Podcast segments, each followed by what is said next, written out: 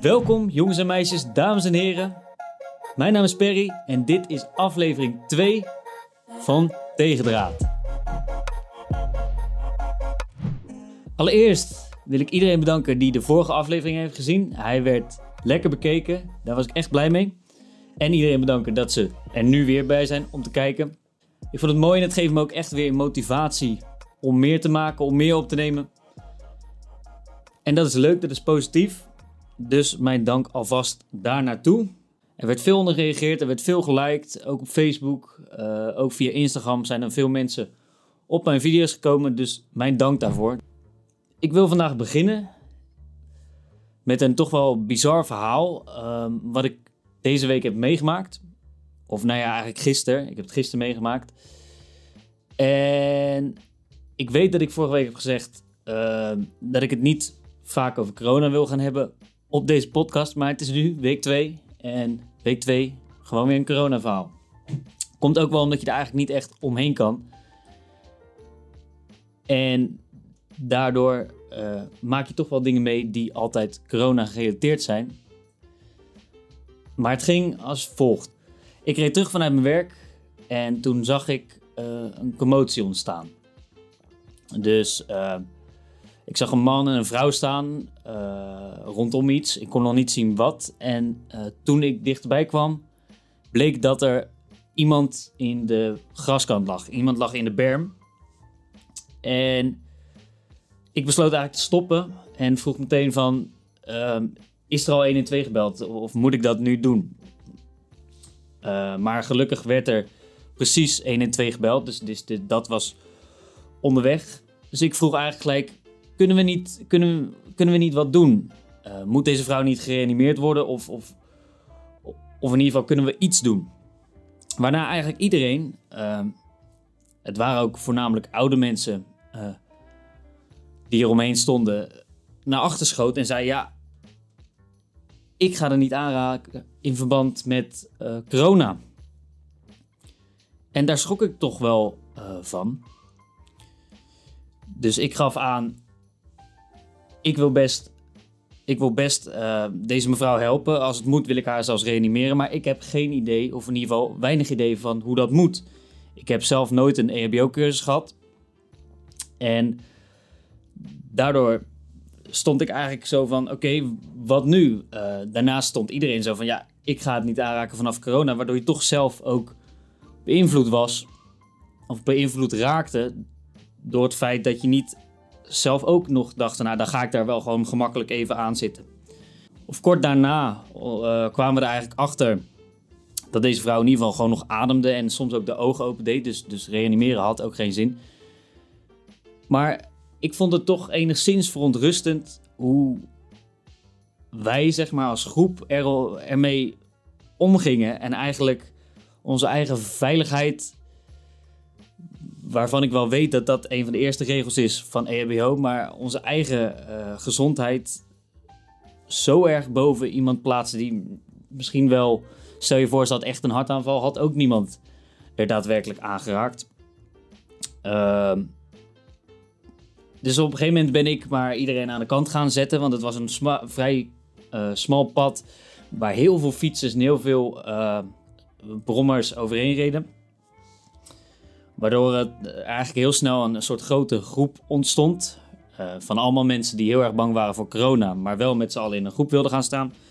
Dus die ben ik op een gegeven moment maar aan de kant gaan zetten. Zodat er in ieder geval nog heel veel mensen door konden die daar eigenlijk niet zoveel mee te maken hadden. Uh, en toen is eigenlijk vrij snel de politie erbij gekomen.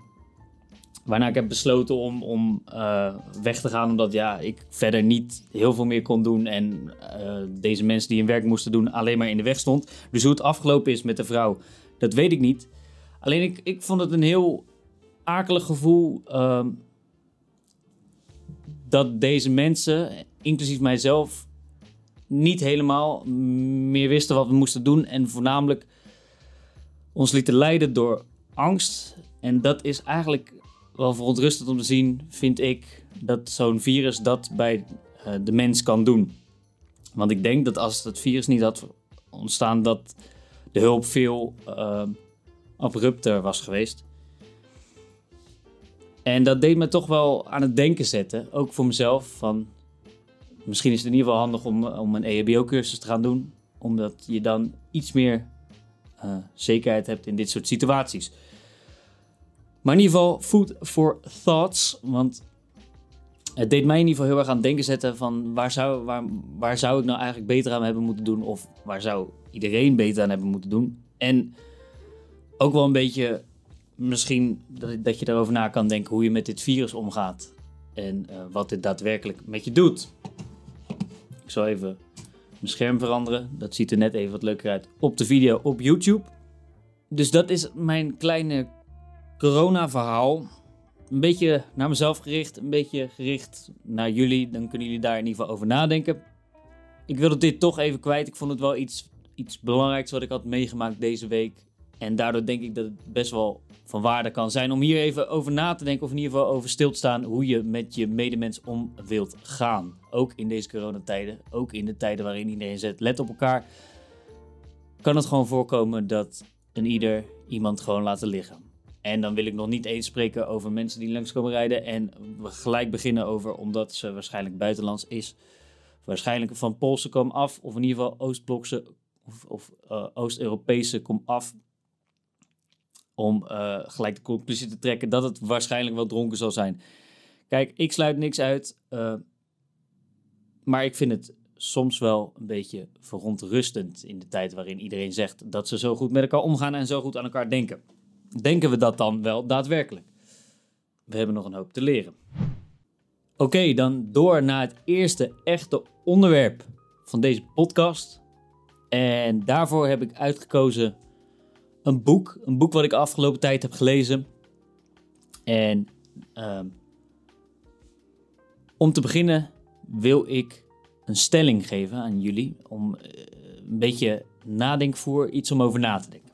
Wat denk jij dat mensen zouden doen als ze in plaats van twee dagen weekend, twee extra dagen weekend zouden krijgen? Dus in totaal vier dagen weekend, drie dagen werken, vier dagen weekend. Voor hetzelfde geld wat ze nu verdienen. Wat zouden andere mensen dan gaan doen? Met hun vrije tijd. Of sowieso met hun leven. Wat zouden ze dan gaan doen? Of als je het nog sterker wil maken, kun je nadenken over wat zouden mensen doen als ze gewoon automatisch genoeg geld kregen om hun hypotheek of hun huur te betalen, hun kleding te betalen, hun eten te betalen Waardoor ze in ieder geval genoeg hebben om van te leven. Wat zouden ze dan gaan doen? Waar zou de wereld dan, of in ieder geval, stel je voor dat het in Nederland is, waar zou Nederland dan in veranderen? Allereerst zou je denken dat, dat wanneer mensen twee of drie dagen uh, of vier dagen weekend zouden hebben, dat ze dan ja, eigenlijk lekker gaan, gaan chillen, heel weinig gaan doen dat ze, dat ze die tijd lekker gaan besteden aan, aan, aan drank, aan, aan, aan gezellig doen met vrienden, aan, aan niks belangrijks dan lekker lui het leven leven. En als je denkt aan het feit dat mensen genoeg geld krijgen om, om te leven, wat zouden ze dan gaan doen? Dan denk je al gauw dat iedereen lekker gaat stoppen met werken, kan ik me zo voorstellen. Dat dat eigenlijk alleen maar genoten wordt en dat het een soort hele grote feestpartij is waarin er niks meer voor elkaar wordt gekregen. Maar als je dit nu omdraait, als je dit nu omdraait naar jezelf, wat zou je zelf doen met, met twee extra vrije dagen? Voor hetzelfde geld. Ik denk dat ik met twee extra dagen veel meer uh, mij ga focussen op, op, dingen die, die ik leuk vind, maar wel waarde kunnen brengen. Ik denk dat ik nog meer video's zou maken. Ik denk dat ik nog meer documentaires zou gaan maken. En als ik denk aan, aan genoeg geld om, om mij volledig te kunnen onderhouden, dan zou ik opleidingen gaan volgen. Dan zou ik heel veel tijd en geld in mezelf investeren om uiteindelijk uh, beter te worden, om, om mezelf te blijven ontwikkelen. En ik denk dat als, als je het aan meerdere mensen vraagt om je heen, wat zij zouden doen met beide uh, situaties, dat er dan daadwerkelijk hele mooie antwoorden uitkomen. Dat mensen meer gaan besteden, tijd gaan besteden aan elkaar, aan de opvoeding van hun kinderen of aan hunzelf, aan hun relatie. Ik denk dat er best wel veel positieve dingen uit kunnen komen in plaats van dat iedereen lui wordt en dat iedereen zomaar denkt: ik stop met werken, ik stop met van alles en ik ga alleen maar aan de alcohol of aan de drugs.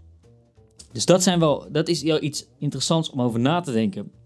En het is een stelling die uh, wordt beschreven en uitgelicht in het boek De meeste mensen deugen van uh, Rutger Bregman.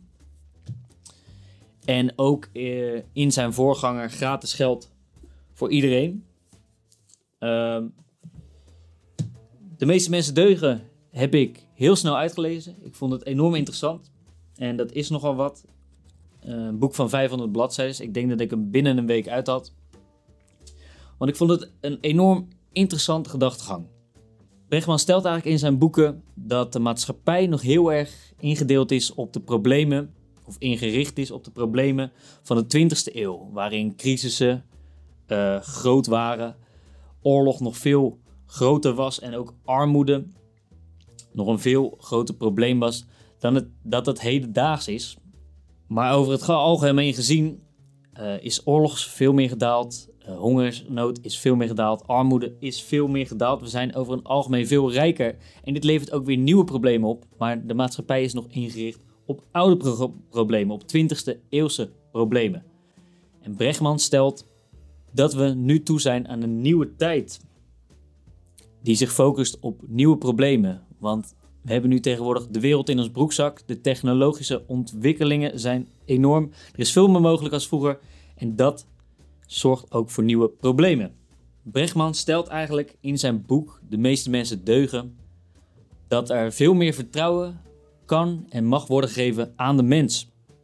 Ik vond het altijd al interessant. Uh, er zijn veel dingen, toch wel maatschappelijke dingen, waar ik over na heb zitten denken van zou dat niet beter kunnen of zou dat niet anders kunnen of is het niet tijd voor vernieuwing, maar ik heb me er nooit super erg nog in verdiept. Ik heb niet alle papers gelezen, ik heb geen wetenschappelijke artikelen doorzocht.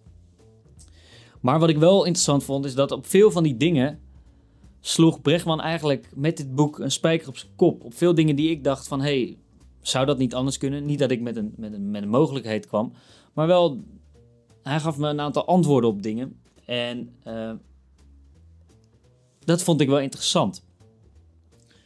Ik wil wel inderdaad aangeven, ik ben uh, geen expert. Wat ik zei, ik heb geen wetenschappelijke artikelen gelezen.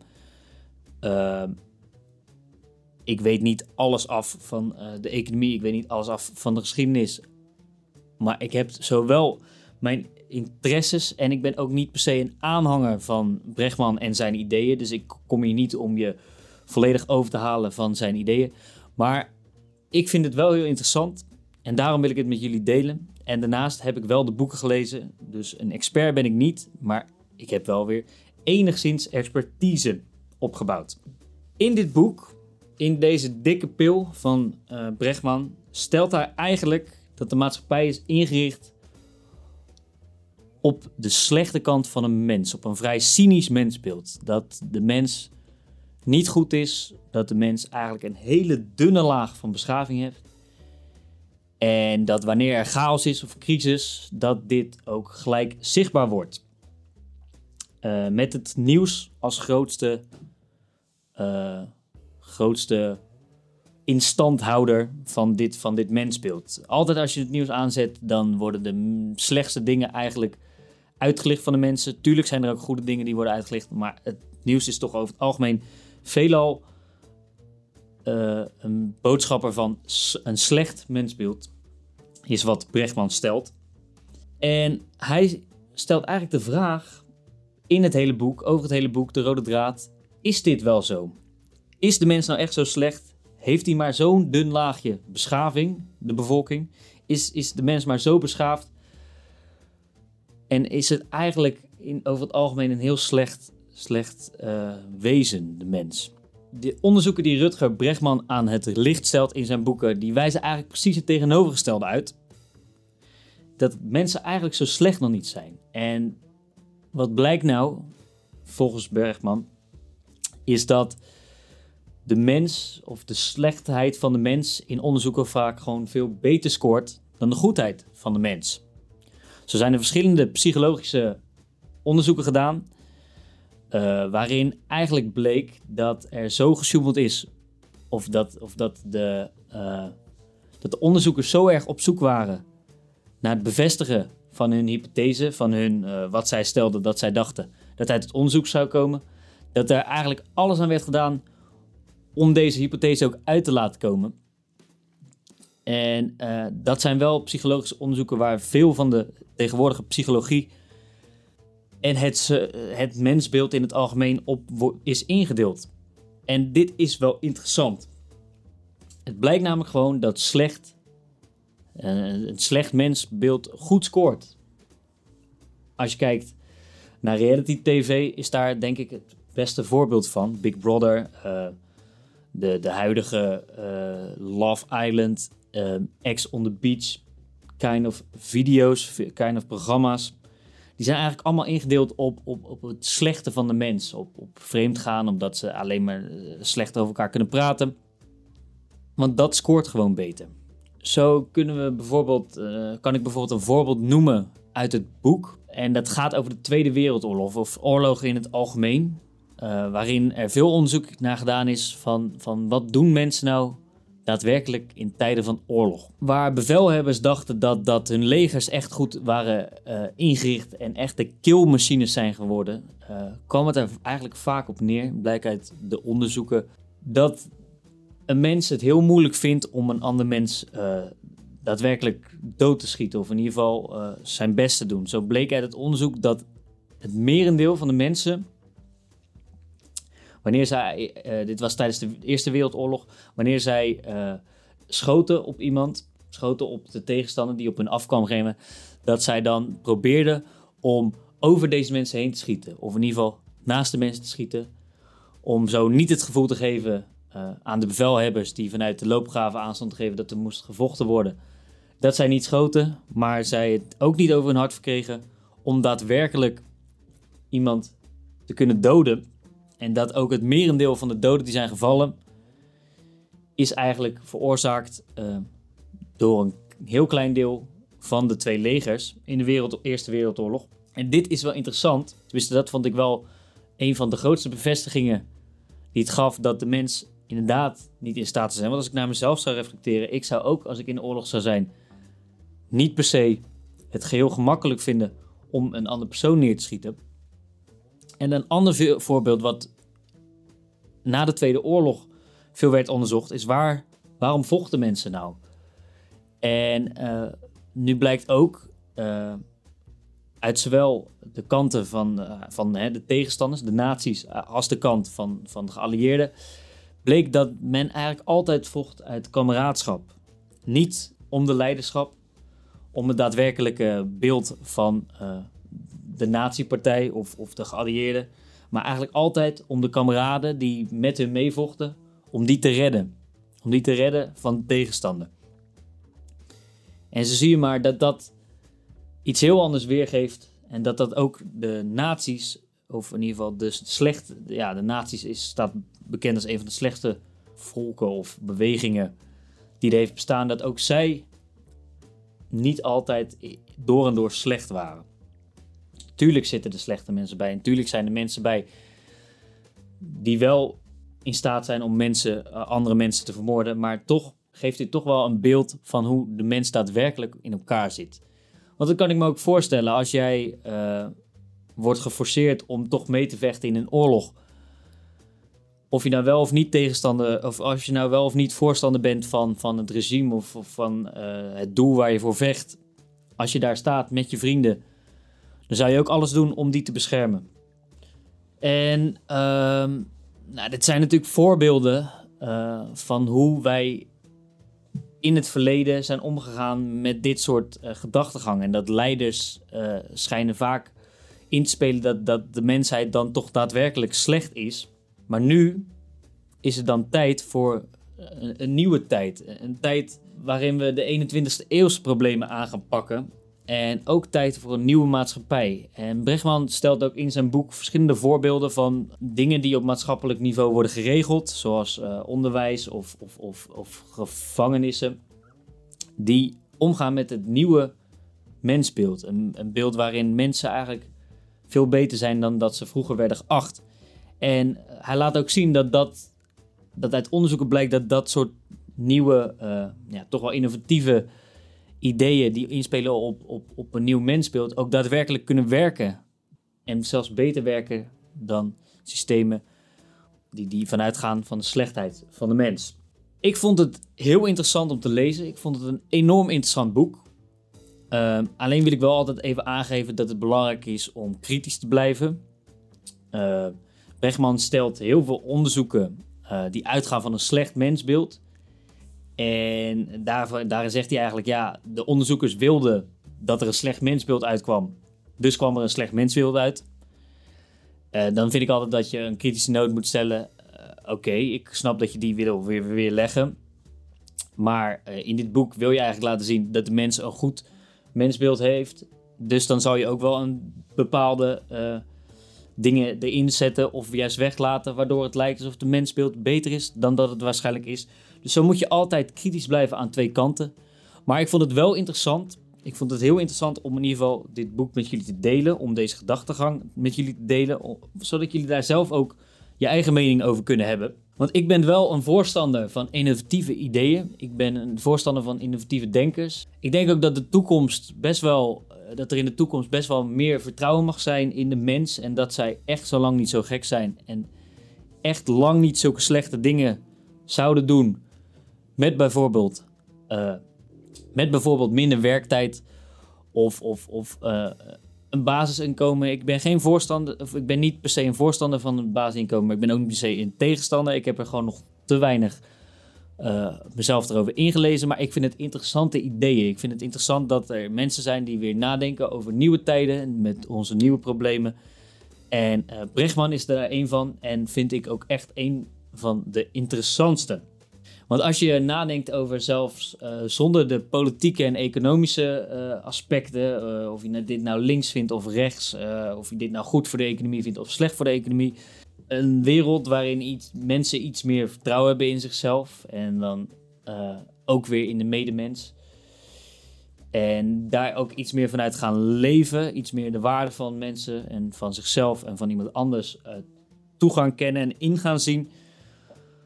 Dat zou toch eigenlijk alleen maar een mooie wereld kunnen betekenen. En dat klinkt allemaal heel uh, zoetsappig. En dat is het ook. Maar dat vind ik ook wel.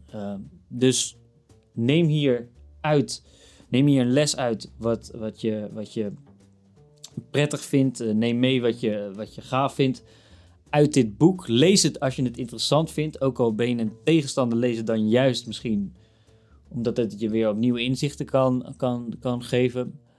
Want ik denk dat je daar uiteindelijk altijd wat aan kan hebben. Daarmee wil ik dit onderdeel in ieder geval afsluiten. Als laatste uh, een wat persoonlijker puntje weer aan deze podcast gegeven. Afgelopen uh, donderdag kwam de eerste podcast online en ik zag in mijn grafieken dat, dat het stukje van het gedicht enorm positief werd ontvangen. Dat werd uh, sowieso heel goed ontvangen. Mijn, uh, mijn, mijn familie die heeft daar heel goed op gereageerd. Die vond het echt ontzettend mooi en die kon, die konden ook daadwerkelijk mijn opa. En, maar ook, ook onbekenden die kwamen met complimenten naar het gedicht en dat vond ik heel mooi. Het verdrietige nieuws is dat, dat mijn opa die vrijdag, diezelfde vrijdag, nog aan toch wel het coronavirus is overleden. En ik wilde dit toch wel even aangeven dat, dat, is, dat dit is gebeurd. Ehm, en dat ik ook dit gedicht uh, ga voorlezen op zijn crematie.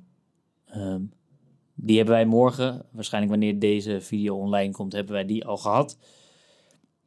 En um, dat, dat, ze het toch, dat, dat de familie het toch wel zo mooi vond om ook dit uh, gedicht daadwerkelijk voor te dragen uh, aan mijn opa. Dus dat vind ik erg mooi, erg goed En daardoor wil ik deze podcast ook een klein beetje in het teken laten staan van mijn opa, opa Koos. Rust in vrede. Ik weet dat hij een uh, mooie lange fietstocht aan het maken is. Dat, hebben we hem, uh, dat heeft hij ons beloofd. En dat hij waarschijnlijk ergens onderweg mijn oma is tegengekomen. En samen zijn ze verder gaan, gaan fietsen. Dus voor mij heel persoonlijk. Ik vind het ook vrij lastig om te doen. Maar ik denk wel dat het, dat het, dat het goed is om te doen. En goed is om, om erbij te vertellen. Ik zou jullie willen adviseren om het nummer Leun op mij van Rut Jacot uh, op te zetten na deze podcast. Ik ga dat in ieder geval doen. Ik kan het niet doen in deze podcast, omdat dat rechten technisch natuurlijk niet werkt. Maar eigenlijk waarmee ik begon, wil ik ook eindigen. Denk daadwerkelijk een beetje aan je medemens. Zorg daadwerkelijk een beetje voor, je medemens. En denk bij jezelf nou of je dit daadwerkelijk doet. Want daarmee kan je alleen maar zelf de wereld een klein stukje beter maken. Dit was aflevering 2 van de Tegendraad podcast. Ik denk dat het wel een interessante was. Ik vond het heel leuk om te doen. En ik wil jullie gewoon super erg bedanken dat jullie weer gekeken hebben. Zelfs helemaal tot het eind. Ik wil jullie bedanken dat jullie geluisterd hebben. Ik hoop dat jullie er wat van op hebben gestoken. En ik hoop dat het jullie goed gaat aankomende week. Dankjewel. Dit was Perry, dit was ik. Tegendraad, podcast aflevering 2. Dank je.